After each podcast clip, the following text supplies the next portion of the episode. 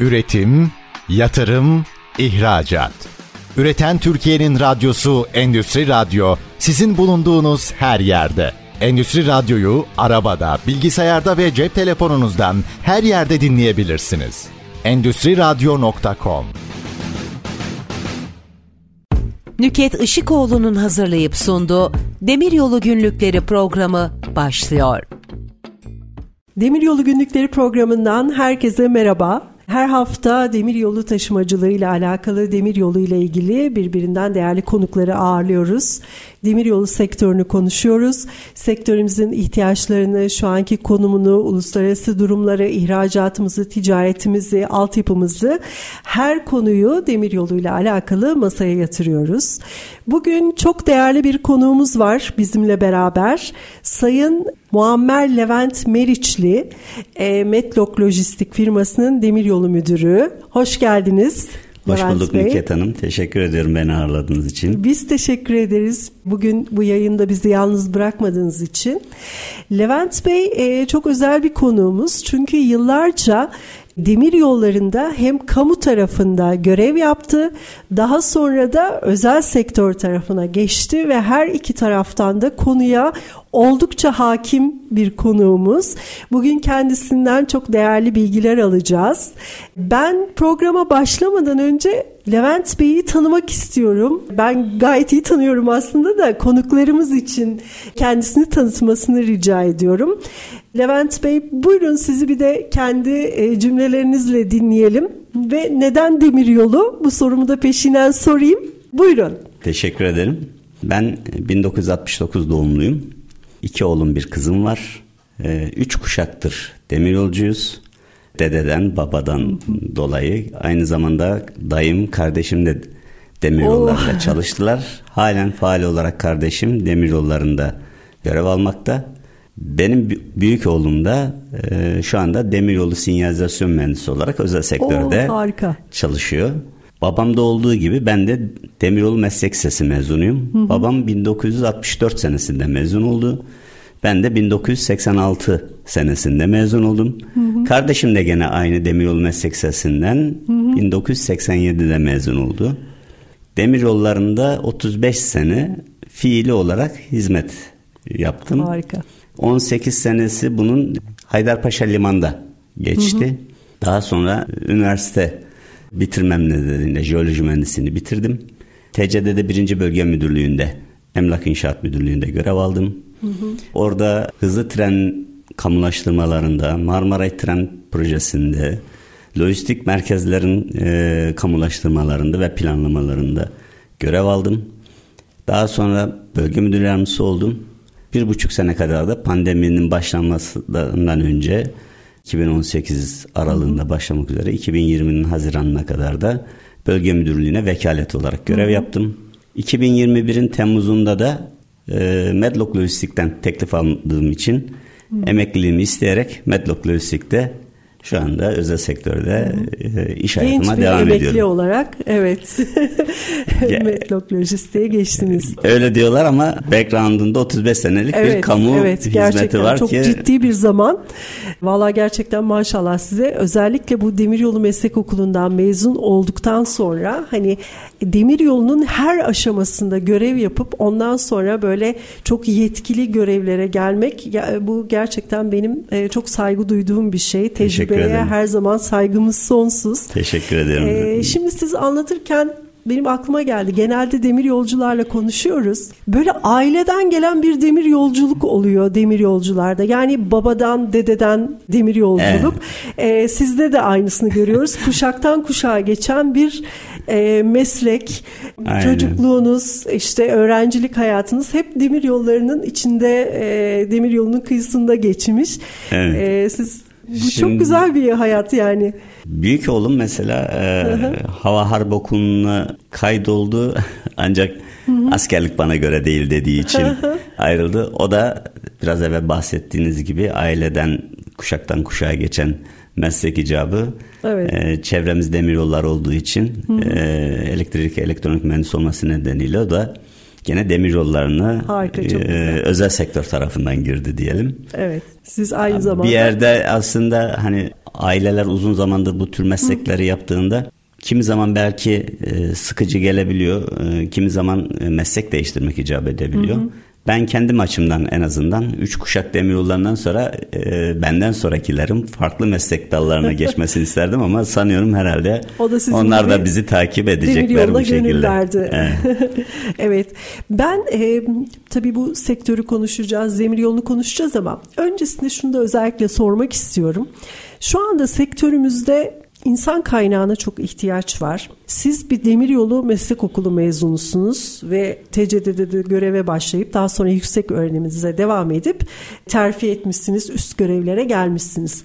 Şu anda bildiğim kadarıyla demiryolu meslek okulu artık yok. Evet. Ee, bunun yerine işte üniversitelerde raylı sistemler işletmeciliği bölümleri var. Demiryolu endüstri meslek, meslek evet. raylı sistemler bölümleri evet, açıldı. Evet, endüstri meslek açıldı. Fakat o eski hani demiryolu meslek lisesindeki direkt mezun olan öğrencilerin TCD'de göreve başlaması gibi bir durum şu anda e, Yok. bildiğim kadarıyla söz konusu değil. Siz bunu nasıl değerlendiriyorsunuz? Bu konuda ne düşünüyorsunuz merak ediyorum.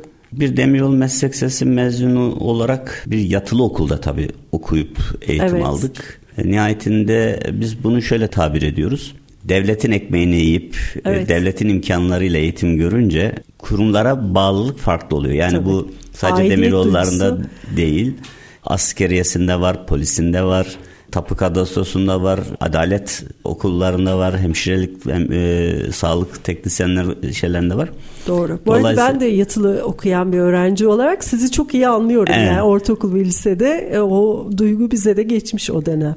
Bunun bir yanı da yatılı okulda okumanın da bir disiplin tarafı var. Evet. Yani çok genç, çok küçük yaşlarda diyelim. Yani çocukluğun bitimi, gençliğin başlangıcı senelerinde yatılı okullarda e, olan disiplin insanın iş hayatına da yansıyor. Evet. Yani o okullardan mezun olanların e, yüzde yüz olmasa bile yüzde 99.9'u bu eğitim ve terbiyeyle yetişince hem mesleki bilgilerini alıyorlar çok küçük yaşta üstelik mesleki bilgilerinde kurumlarındaki bu işe gönül vermiş hocalarından, eğiticilerinden hı hı. alıyorlar. Hı hı.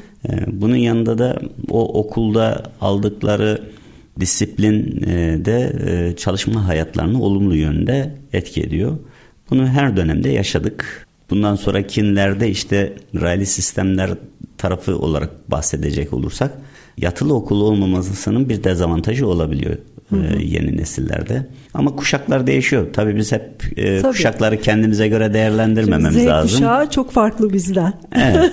E, işlerinde çok parlak e, evet. e, insanlar da çıkabiliyor. Hı hı. E, yeni neslin bana göre dezavantajlarından birisi sebatkar olmamaları. Yani e, çok kolaylıkla işten işe sıçramaları ve e, bir işte daim olacak evet, şekilde uzun bir, süre e, şeylerini bir, veremiyorlar oraya bazen. Ol, olmayınca tabii değerlendirmek lazım. Tabii. Onlar acaba bu e, sık sık iş değişimlerinden kaynaklı kariyerleri nasıl etkileniyor veya olumlu ve olumsuz yönde hı hı. bunun belki biraz eğitimciler tarafından e, incelenmesi gerekir diye düşünüyorum. Evet doğru haklısınız. Ben neden demiryolu sorusunun karşılığını çok güzel bir şekilde aldım sizden. Çok teşekkür ederim. Şimdi e, sizin yaptığınız bu taşımalara konulara geçmeden önce birazcık da serbestleşmeden bu demir yollarındaki serbestleşmeden bahsetmek istiyorum. Çünkü e, siz uzun yıllar demir yolunda görev yaparken demir yolu tekel bir yapıdaydı. Sadece devletin yapabildiği e, tekel yapı aslında şu anda da hani özel sektöre açıldı. Evet serbestleşme fiilen başladı ama gene de ağırlık tabii ki Türkiye Cumhuriyeti Devlet Demir Yolları'nda serbestleşmeden sonra. Şimdi siz bu serbestleşme öncesi tekel yapıyla şimdikini karşılaştırdığınızda ne düşünüyorsunuz bu konuyla alakalı? Serbestleşme şu an tam olarak uygulanmaya başladı mı veya bu konuda önümüze çıkan engeller nedir? Sizin görüşleriniz nelerdir? Ee, ben bunları da şu anda merak ediyorum. Kamuda görev aldığım müddetçe e, herkesin bahsettiği gibi bürokratik e, işlemler ve zorluklar halen de devam ediyor. Ancak geçmişe oranla hem çalışanların kendilerini e, değişime zorlamaları hem idarelerin biraz daha idealist olarak olaylara bakmaları, yaklaşımları hı hı. gerekse şimdi de özel sektörün hizmet alması nedeniyle de e, kamu kurumlarının zorlamasından dolayı biraz değişim var ama çok mu değişti? Aslında çok da e, değişen e, bir şey yok. Kamu kurumlarında yatırımlar tabii ülkelerin bütçesi kurumların bütçesiyle doğru orantılı. Son zamanlarda e, yapılan hızlı tren yatırımları, yol yenilemeleri gibi e, hususlar e, aslında yetersiz. Hı hı. E, bence daha iyi planlanabilir. Özel sektörün bu konuda henüz daha sağlıklı yatırım yapamamasının sebeplerinden birinde demiryolu serbestleştirmesi kanunundaki e, mevzuatların yetersizliği, eksikliği. Hı hı. Önünü göremeyen e, özel sektör e, dolayısıyla e, yatırım yapmaya da temkinli yaklaşıyor. Tabii doğal olarak sonuçta ticari işletmeler var olmak sonunda e, zorundalar günün sonunda. Evet. Evet. E, dolayısıyla e, şu anda Türkiye'de tabii altyapı hizmetlerini TCD'de işletmesi verirken taşımacılık işlerini TCD'de taşımacılık AŞ veriyor. Hı hı. Bu yasa çerçevesinde yine TCDD'nin %99'una sahip olduğu bir anonim şirket haline getirildi.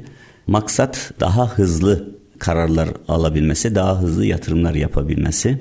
Ama e, tabii kurumsal e, yapıyı birden değiştirmek çok zor oluyor. Gerek çalışanların gerekse yöneticilerin bu konuya e, adaptasyonları zor. Hele 160 küsür yıllık bir kurum olunca değil mi? evet. Yani bürokrasi tarafında böyle ama e, bir işletmecilik, demiryolu işletmeciliği bakımından baktığınızda aslında çok tecrübeli bir kurum. Hı hı. Ama daha çok özellikle TCD'de taşımacılığın yük tarafına bakarsak müşteri bekler pozisyondalar. Hı hı. Yani zaten şu andaki kapasiteleri de ellerindeki lokomotif ve vagon sayısıyla da ekstra bir pazarlamaya da girebilme şansları yok. Zaten mevcutları yetmiyor. Hı hı. Dolayısıyla gelen hazır müşterilere de hizmet veriyor. Hatta bildiğim kadarıyla da çoğunu taşıma yapamayacaklar için de geri çeviriyorlar. Hı hı. Ee, bunun için öncelikle tabii yeni yatırımlar özellikle hı hı. lokomotif, vagon hı hı. yatırımlar yapmaları lazım personel yetiştirmeler lazım. Yani bu e, gelen taşımaları geri çevirmeleri kapasite ellerindeki lokomotif ve vagon kapasitesinden yetersiz olmasından, yetersiz olmasından. sebep. E, yollarımız ama trafik yoğunluğu açısından yani hani ekipmanımız olsa mesela yeterli lokomotif ve vagon sayımız olsa altyapımız buna yeterli mi sizce? Zaman zaman biz bunu gerek sektör içerisindeki firmalar Hı-hı. gerekse demiryolu tarafındaki TCDD tarafındaki muhataplarımızla da konuşuyoruz. Hı-hı. İçerisinde ben tabi altyapı kısmında çalıştım. Taşımacı karşı tarafında değil ama hı hı. oradaki konulara da vakıf olduğumuz itibariyle yeni yatırımları planlarken e, veya bunlara kaynak e, bulurken zorlanıyoruz. Dolayısıyla öncelikle daha iyi bir planlamayla e, tahmin ediyoruz ki %30 civarında bir mevcut kapasiteyle art, taşımada artış sağlanabilir. Hmm daha iyi bir planlama, lokomotif planlaması, daha iyi bir personel planlamasıyla. Tabii kamuda e, bu konularda yöneticilerin elini kısıtlayan e, unsurlardan biri personel planlamasıyla ilgili aldıkları kararları uygulayamamalar. Hı hı. Karşılarına bu sefer sendikalar, e, dernekler çıkıyor. Dolayısıyla bir yerde fazla olan bir kadroyu ihtiyaç olan bir kad- e, bölgeye yönlendirmeleri hı. istedikleri kadar kolay olmuyor. Çünkü e, herkesin bir e, yaşam biçimi var, e, ailesi var, çocukları var. Evet, yerleşik var. olduğu bir evet. düzeni var. Tabii. Bir de İstanbul'da yaşamanın zorlukları var. Yani İstanbul Tabii. bölgesinin çok fazla personel ihtiyacı olmasına rağmen kimse İstanbul'a gelmek Tercih istemiyor. Edemiyor. Hayat zorluğu zorluğundan dolayı. Maalesef. O yüzden Mesela özel sektör rahatlıkla bir personelin ihtiyaç duyduğu yere görevlendirebiliyor. Tabii. Gitmek zorundasın diyebiliyor. Evet. Verim aldığı personeli ödüllendiriyor, alamadığı personeli e, gönderebiliyor. Evet. Bu Ama kamu, devlet bunu e, devlet kamuda bunu, yapamıyor. Kamu olması nedeniyle hı hı. sağlayamıyor. Hı hı. Bu elbette tabii kamu tarafında hoş görülebilecek bir şey ama gelecekte TCD'de taşımacılığın daha etkin bir rol alabilmesi için bu konuları aşması gerekiyor. Tabii. Yani e, kamu yönetiminin, kanun koyucuların e, bu konuları kamu tarafındaki personel yönlendirmesi bakımından biraz daha hı hı. E, yöneticilere elini kolaylaştıracak şekilde yönetmelikle, yasayla kolaylaştırmalar için ellerinden geleni yapmalılar. Harika. Çok teşekkür ederim. Çok güzel bir sohbet yapıyoruz şu anda demiryolu ile alakalı. Şimdi bir reklam arasına gideceğiz Levent Bey. Kısa bir aradan sonra kaldığımız yerden devam edeceğiz. Evet Demiryolu Günlükleri programına şimdi bir kısa bir reklam arası veriyoruz. Ardından görüşmek dileğiyle bizden ayrılmayın. Üretim, yatırım, ihracat. Üreten Türkiye'nin radyosu Endüstri Radyo sizin bulunduğunuz her yerde. Endüstri Radyo'yu arabada, bilgisayarda ve cep telefonunuzdan her yerde dinleyebilirsiniz. Endüstri Radyo.com Demiryolu Günlükleri programına kaldığımız yerden devam ediyoruz. Konuğumuz Medlok Lojistik Demiryolu Müdürü Sayın Levent Meriçli. Levent Bey ben bir de işin STK'lar kısmından bahsetmek istiyorum. Siz Türkiye'de demir yolu taşımacılığı yapan firmaların oluşturduğu ve e, özel vagon sahiplerinin, özel demir yolu bağlantılı limanların, üreticilerin bulunduğu Demir Yolu Taşımacılığı Derneği'nin de yönetim kurulu üyesisiniz ve Demir Yolu Taşımacılığı Derneği demir yolu sektörünün ilk ve tek sivil toplum kuruluşu. Biraz dernek çalışmalarından bahsedebilir misiniz? Evet.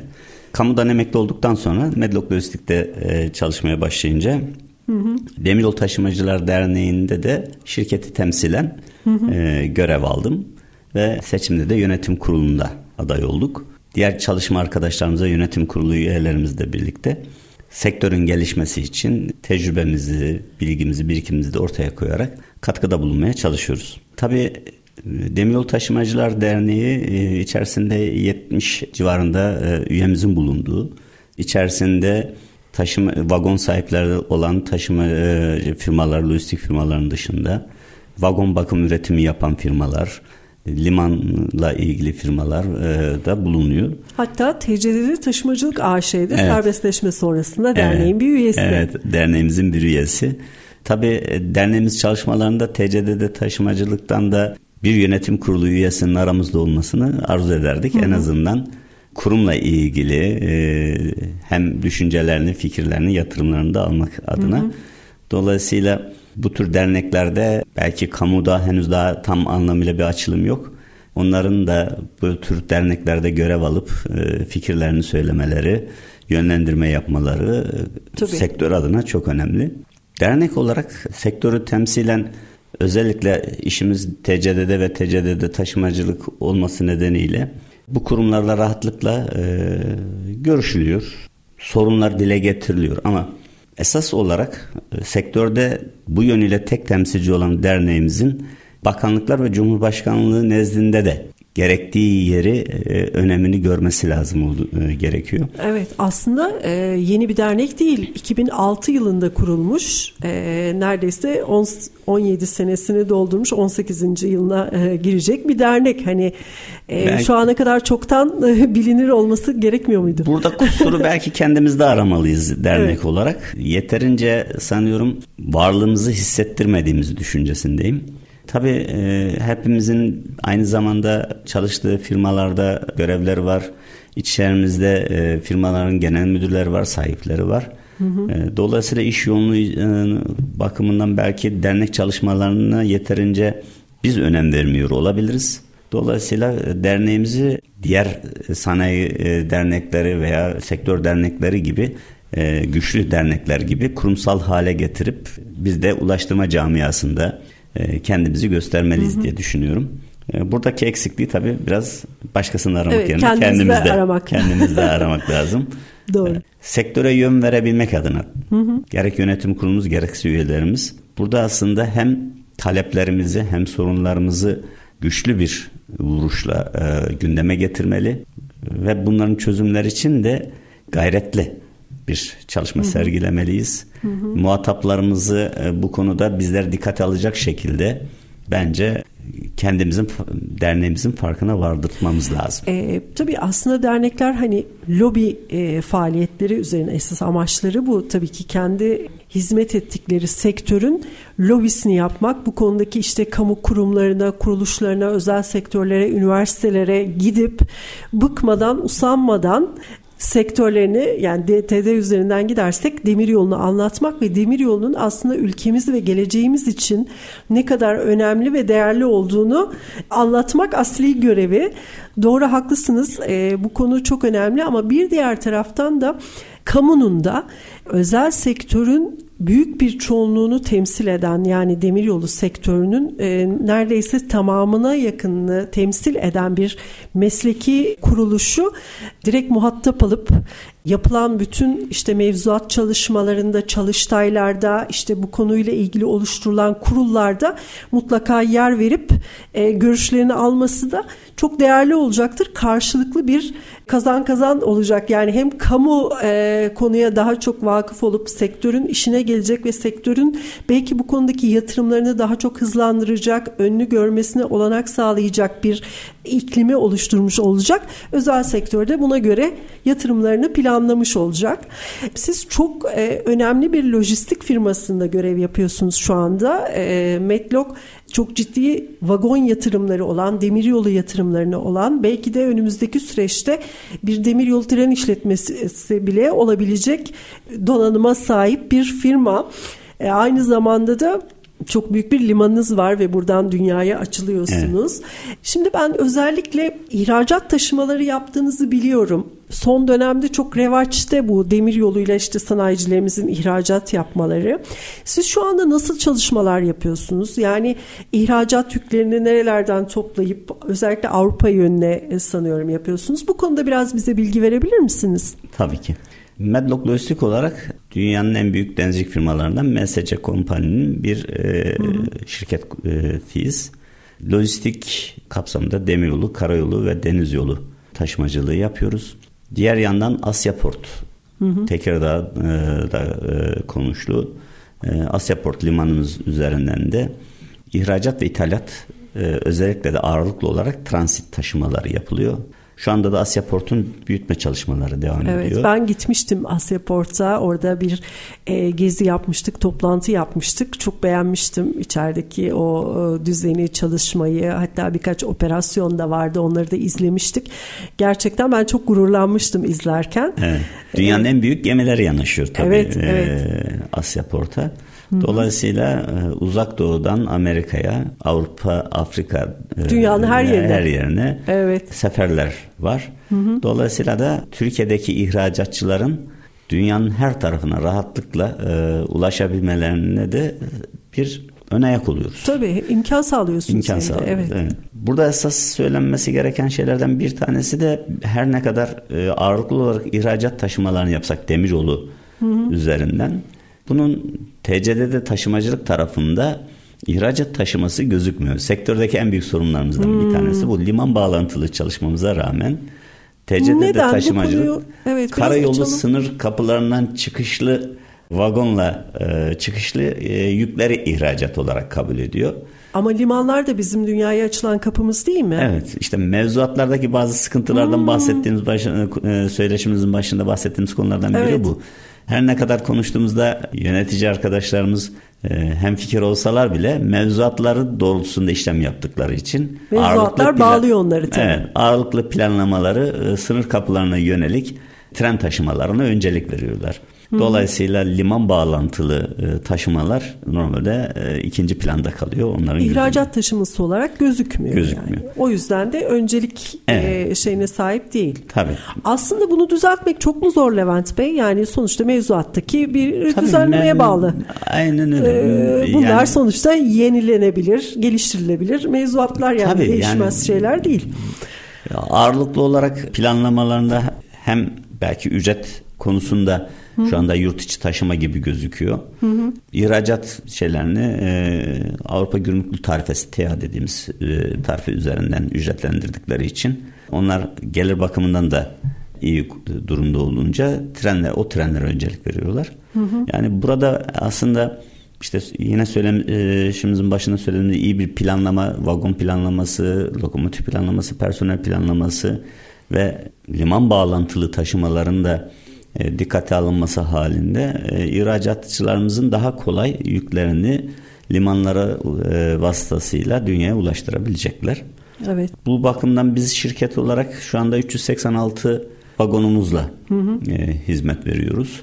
Yani Hem özel konten- sektör için bu çok e, yüksek bir rakam aslında baktığın zaman. Tabii. Yani öz mal vagon. Tabii yani biz ama şöyle düşünürseniz bir lokomotif e, alımıyla aslında bu vagonlar bu sefer az seviyede kalacak. Evet. Dolayısıyla lokomotif aldığımızda vagon yatırımı da gündeme gelecektir.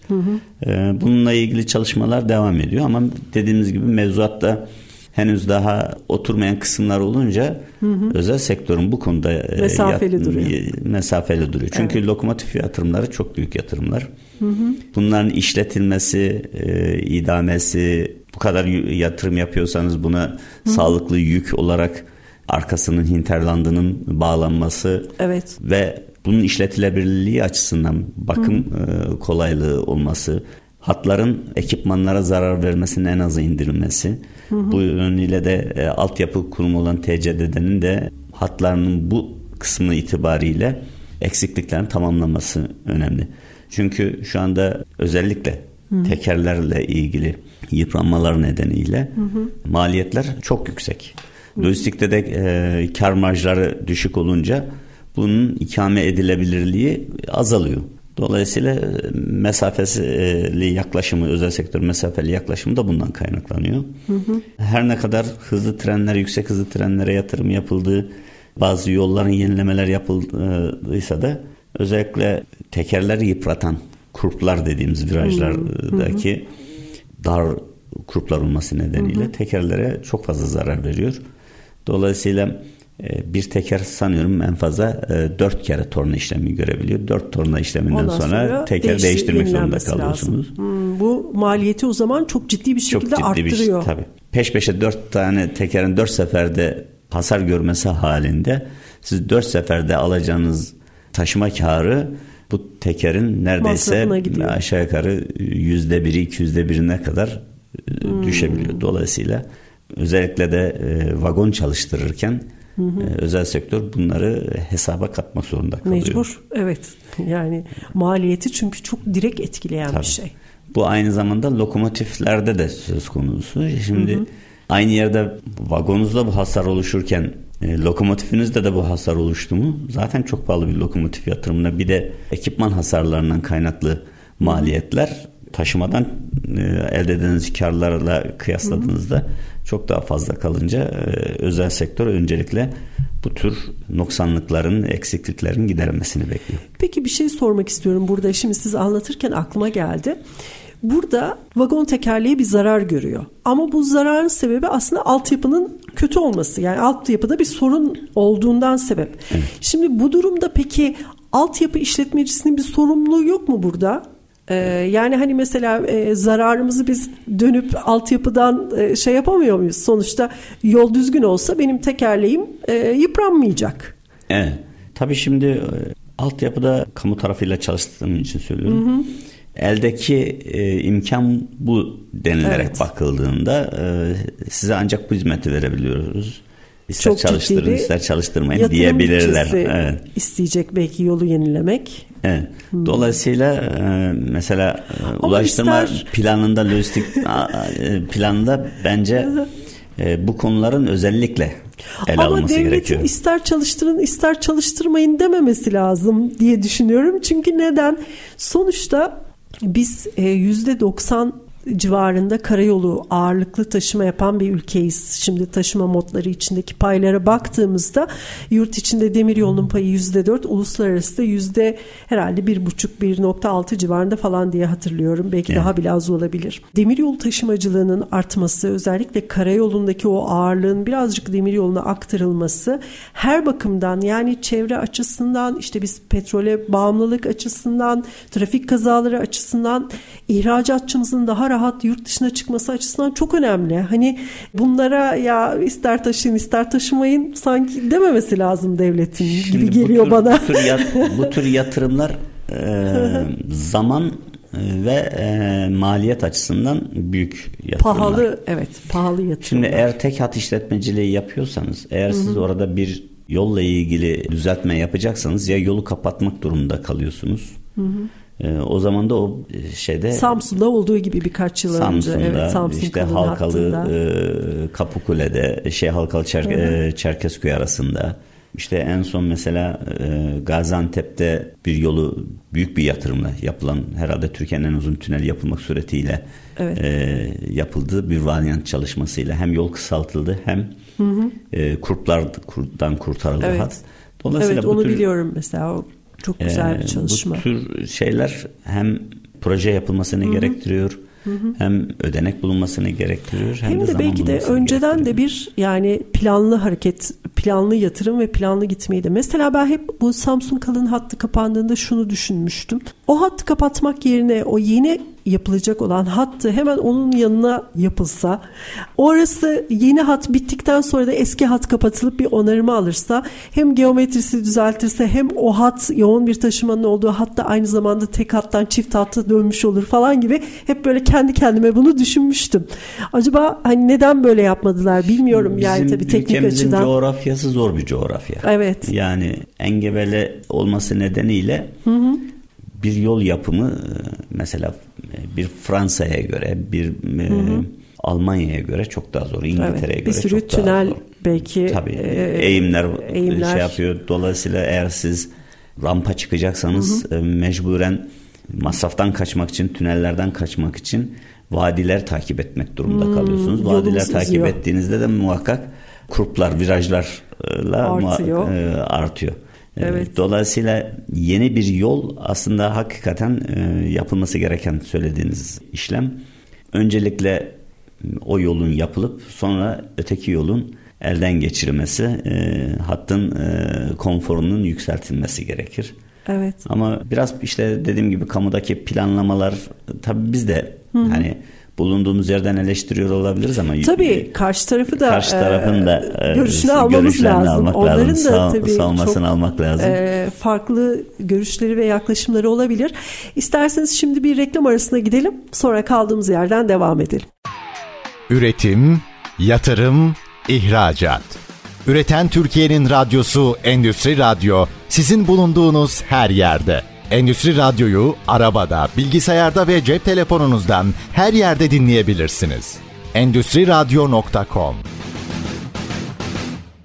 Demiryolu Günlükleri programımıza tüm hızımızla devam ediyoruz. Üçüncü bölümümüzde başlıyoruz. Konuğumuz Metlok Lojistik Demiryolu Müdürü Levent Meriçli. Levent Bey ben merak ediyorum sizden de cevabını almak istiyorum. Hazır bulmuşken sizi Diyelim ki bir firma demiryolu tren işletmecisi olmaya karar verdi. Şimdi DTI olmak için gerekli o mevzuata baktığımızda hani ilk başta galiba özmal olması gerekiyordu ama sonradan bu kiralamaya çevrildi. Evet. E, belli bir sayıda e, lokomotif ve vagonu satın almasa bile kiralama yapması gerekiyor. Peki bir firmanın bir demiryolu taşımacılığı faaliyetini böyle tamamen güzel organize edebilmesi için en az ne kadar lokomotif ve vagon e, satın alması veya kiralaması gerek? Ben bunu çok merak ediyorum. Her şeyden önce e, bir lojistik firmasının hazırda bir yükü olması lazım. Değil mi? Yüke göre planlayacak. Y- doğru. Yüke, yükü, yükü olduktan sonra o planlamaya girmesi lazım. Hı hı. Mümkünse de karşılıklı dolu dolu taşıma yapabilecek bir yükü varsa hı hı. bu e, yatırımı daha kolaylıkla geriye dönüşünü alabilir. Hı hı. E, dolayısıyla bir de burada önemli kriterlerden biri de çalıştıracakları hat hı. E, önemli. Burada bir lokomotifin çekeri yolun eğimi var mı yok mu hı. bu önemli. E, istasyon yollarında buluşmalar yapabilir, karşılıklı hmm. trenler yap e, buluşmalar yapabilir. O yüzden rotasyon süresi mi e, ona? E, evet. Yani tren uzunluğu önemli. Hı. Yani işte diyelim ki istasyonla buluşma yolları işte 500-700 metre civarlarındaysa hı hı. siz 1000 metre tren çalıştırmakta zorlanırsınız. Bizim... Ancak TCDD'nin bu yönde tren işletmesi sizin uzun tren işletmesinizle ilgili bir hmm. planlama yapması lazım. Bizde şu anda mevzuatımızda ortalama tren uzunluğu 550 metre miydi? Sanki öyle bir rakam aklımda kalmış ama. Evet yani genelde TCDD'nin e, istasyon yollarındaki mesafelerden kaynaklı hmm. E, bir faydalı yol uzunluğundan kaynaklı bir konu bu. Hı Eğer siz ortalama 1000 metre istasyon yollarınız olursa dolayısıyla lokomotifleriniz de gerçi bir lokomotifle de yapabilirsiniz bunu İki lokomotifle de yapabilirsiniz bunu. O zaman o faydalı yol uzunluklarına göre tren uzunluğunuzu planlayabilirsiniz. Hı hı. Tabi uzattıkça treni e, bu sefer de taşıyacağınız yükten dolayı da bir tren ağırlığı söz konusu hmm. oluyor. Bu durumda da mesela düz yolda çalıştırdığınız sıfır eğimli veya çok düşük eğimli çalıştırdığınız bir yolda lokomotiflerinizin çekeri artıyor. Ancak eğimli bir yeri e, de güzergahta çalışıyorsanız o zaman da lokomotiflerinizin çekeri düşüyor. Hı hı. Dolayısıyla bir yatırım yaparken bu konuları öncelikle hı. göz önünde bulundurmanız lazım. Bir sürü farklı parametresi tabii, var tabii, bunun yani. yani. Dolayısıyla bir yandan da trenlere hazırlayacağınız yük de önemli. Mesela diyelim ki e, siz dünyada da bu böyle uçak havada para kazanır, gemi denizde para kazanır. E, vagonda rayın üzerinde para kazanır. Dolayısıyla boş sizin boş kalmaması lazım. lazım turist evet. dediğimiz şeyde e, sürekli döndürmeniz lazım. Hı hı. Dolayısıyla da siz mesela diyelim ki bir treni planladınız. İşte 500 tonluk atıyorum veya 800 tonluk bir tren planladınız. Hı hı. İki nokta arasında çalışıyorsunuz. Sizin trenin dönüş periyodunda hazırda 800 tonu tekrar orada Hmm. Hazır bulundurmanız da Yola lazım. çıkmaya hazır Tabii. olması lazım. Eğer yükünüz yoksa gelir treniniz orada o yükün hazır olmasını da bekleyebilir. Hmm. Dolayısıyla bütün planlamalar bunlara göre yapılır. İhtiyaç ona göre belirlenir. Ne kadar lokomotif ve vagonla bu sistemi çevirecekseniz ona göre e, yatırım yaparsınız. Ama Türkiye yollarında e, bu 550 metre ortalama uzunlukla e, çalıştığında aşağı yukarı e, 20 vagonların uzunlukları da değişebiliyor ama hı hı. ortalama 20 vagon diyebiliriz. E, 20 ile 30 arası. Eğer işte iki lokomotif olacaksa iki set Hı hı. E, yükleme noktalarında da şey yapacaksanız yedek e, vagon setler bırakmanız lazım. Hı hı. Öyle bir durumda mesela iki lokomotif e, 80 vagon veya 60 hı. vagonla siz bu periyodu çevirebilirsiniz. Hı hı. Ee, Bu minimum rakam tabii. Minimum rakamlar hı hı. yani. Dediğim gibi taşımanıza, güzergahlarınıza, hı hı. yüklerinizin lokasyonlarına e, hı hı. göre e, bir de bu taşıma yaptığınız şeyindeki elde edeceğiniz karlılıklar da tabii, tabii bu işin içinde tabii. önemli. Çünkü demiryolu yatırımı çok uzun sürede geri dönen bir yatırım. Evet, yani e, evet. E, uzun Pahalı yıllar. yatırımlar. Yani Aynen. mesela bir tır için sanıyorum 3 milyon lira civarında bir rakamlar bahsediliyor. Bir vagonda aşağı yukarı 120 bin eurolarda şu anda ha, sıfır tır vagon. dediğiniz aslında lokomotif demek istediniz galiba. Yok karayolu taşıması ha, karayolu için söylüyorum. Taşıtı. Yani kıyaslamak evet. açısından söyledim. Evet. Ee, bir milyon. çekici ve dorsesiyle beraber aşağı yukarı 3 milyon liralar civarındadır. Son Hı-hı. rakamları bilemiyorum. Belki arttıysa.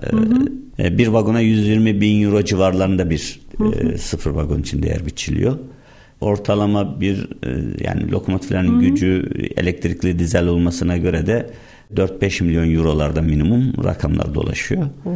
Dolayısıyla evet, pahalı hani, bir yatırım. Karayolu taşımacılığı o yüzden cazip geliyor. Hem daha düşük yatırımla yatırım ve daha kısa sürede daha kısa dönüyor. sürede dönüş ve e, daha esnek e, karayolu taşıması olduğu için evet kapıya e, kapı teslim kapıda teslim evet. yapabiliyorsunuz.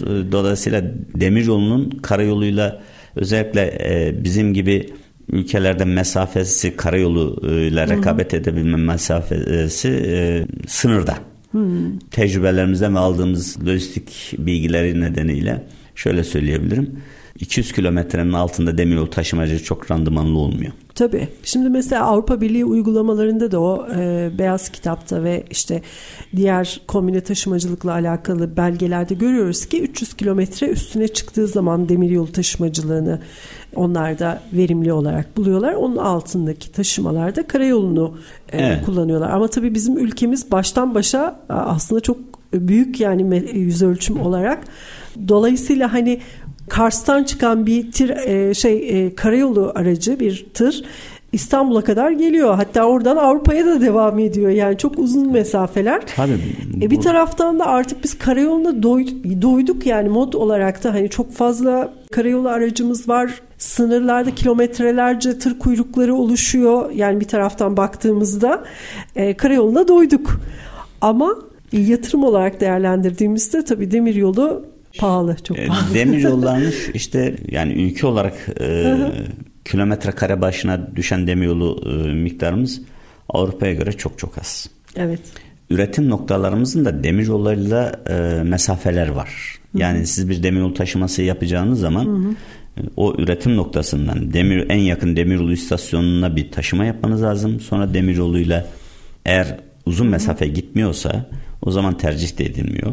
Uzun mesafe giderse bir e, üretim yerinden istasyona şey var. İstasyondan sonra varacağın noktaya da demiryolu yoksa tekrar bir ara aktarmalar. Bunlar demiryolunun cazibesini önemli ölçüde kaybetmesine sebep oluyor. Peki hocam burada şey diyebilir miyiz mesela?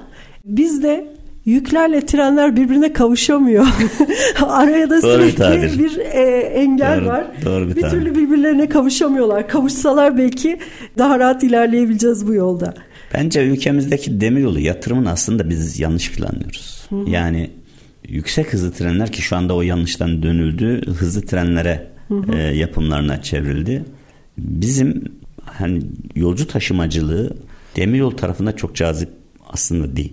Evet. Ee, bizim büyük tarafını geliştirmemiz açısından hem sanayicimizin Tabii, hem ticaretimiz açısından ticaretimizin de gelişmesi evet. açısından bu yönde bir demiryolu yatırım planlanması lazım. Kesinlikle. Mesela şimdi önümüzde bir 12. kalkınma planı var. Bunun hazırlıkları başlandı. Mesela bu kalkınma planında demir yoluyla alakalı yatırımların, projelerin mesela bütün bunlar göz önüne alınarak e, daha sağlıklı bir şekilde belki planlanması uygun olabilir. Ben o planda e, bu yönüyle çok eksiklikler olduğunu e, hı hı. gördüm. Bu yönüyle de planla ilgili görüşlerimizi gerek şirketim adına gerek Demiryolu Taşımacılar Derneği adına da ifade ederek bakanlığımıza gönderdik. Hı hı. İnşallah bunlar dikkate alınacaktır diye düşünüyorum. Dolayısıyla e, ülkemizdeki iltisak hatlarına hı hı. veya en azından demiryolunun ulaştırılamamış özellikle de geri dönüşü yani Hı-hı. yatırım maliyetinin geri dönüşü olabilecek yatırımlara öncelik vermek suretiyle evet. yük taşımacılığını ön plan almak gerektiğini düşünüyorum. Kesinlikle. Yani organize sanayi bölgelerine demiryolu bağlantıları, limanlara demiryolu bağlantılarının yapılması ve dediğiniz gibi o iltisak yani bağlantı hatlarının arttırılması demiryolu için çok önemli. Çünkü ara nakliyeyi tamamen ortadan kaldırıyor.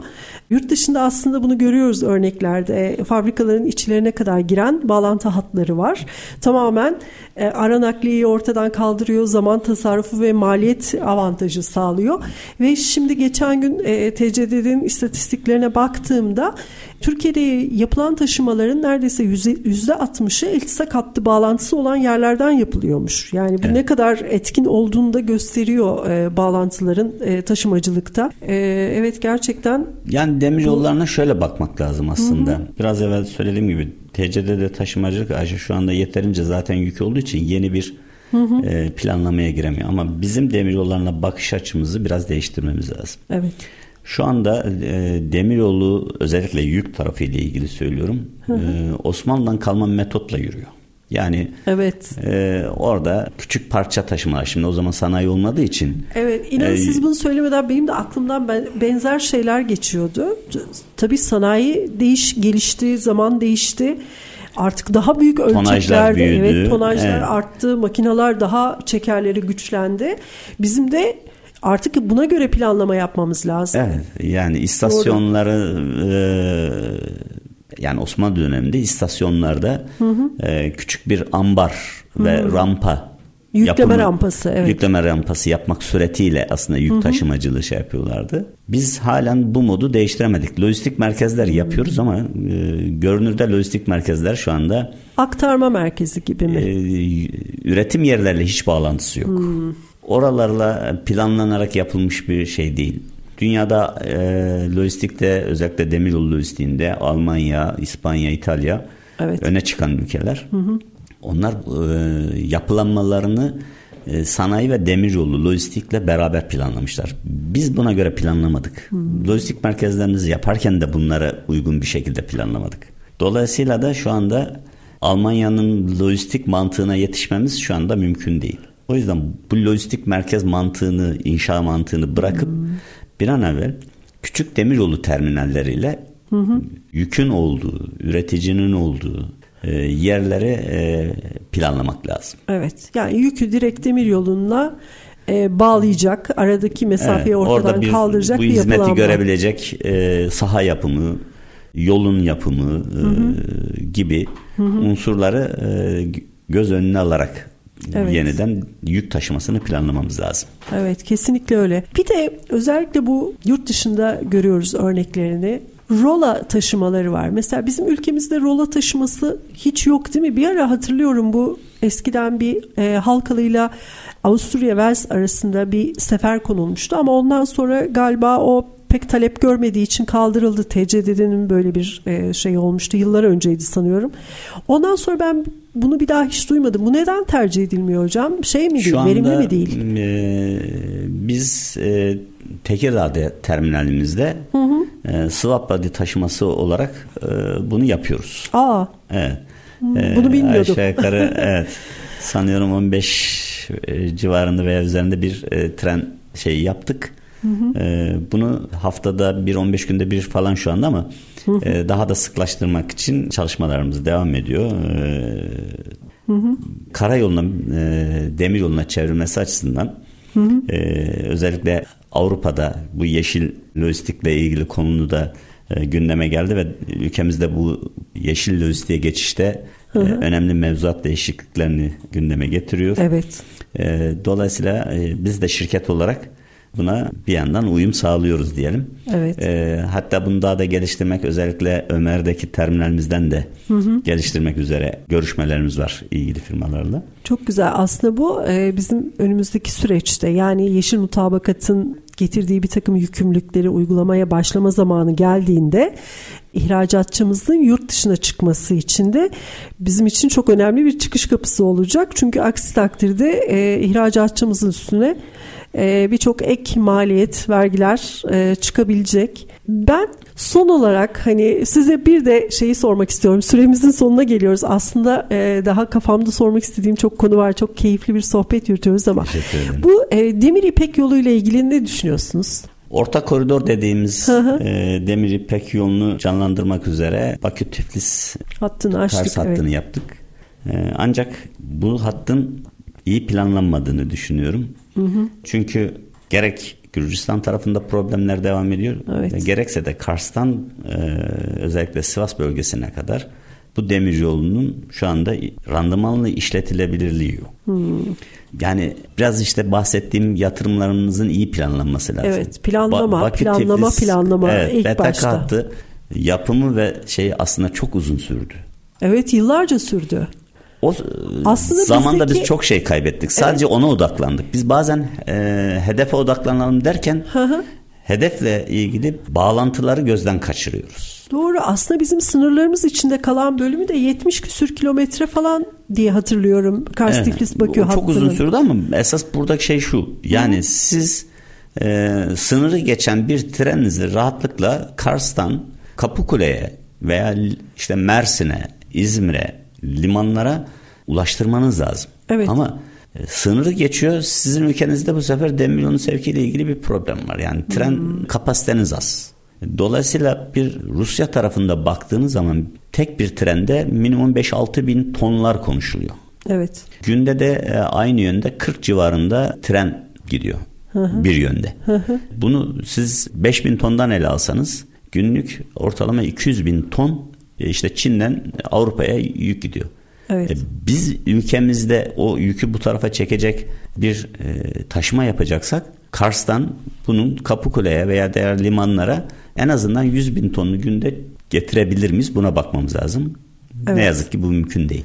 Evet. Burada planlamanın o eksiklikleri var. Evet. Sonuçta her şey dönüyor dolaşıyor planlamaya geliyor.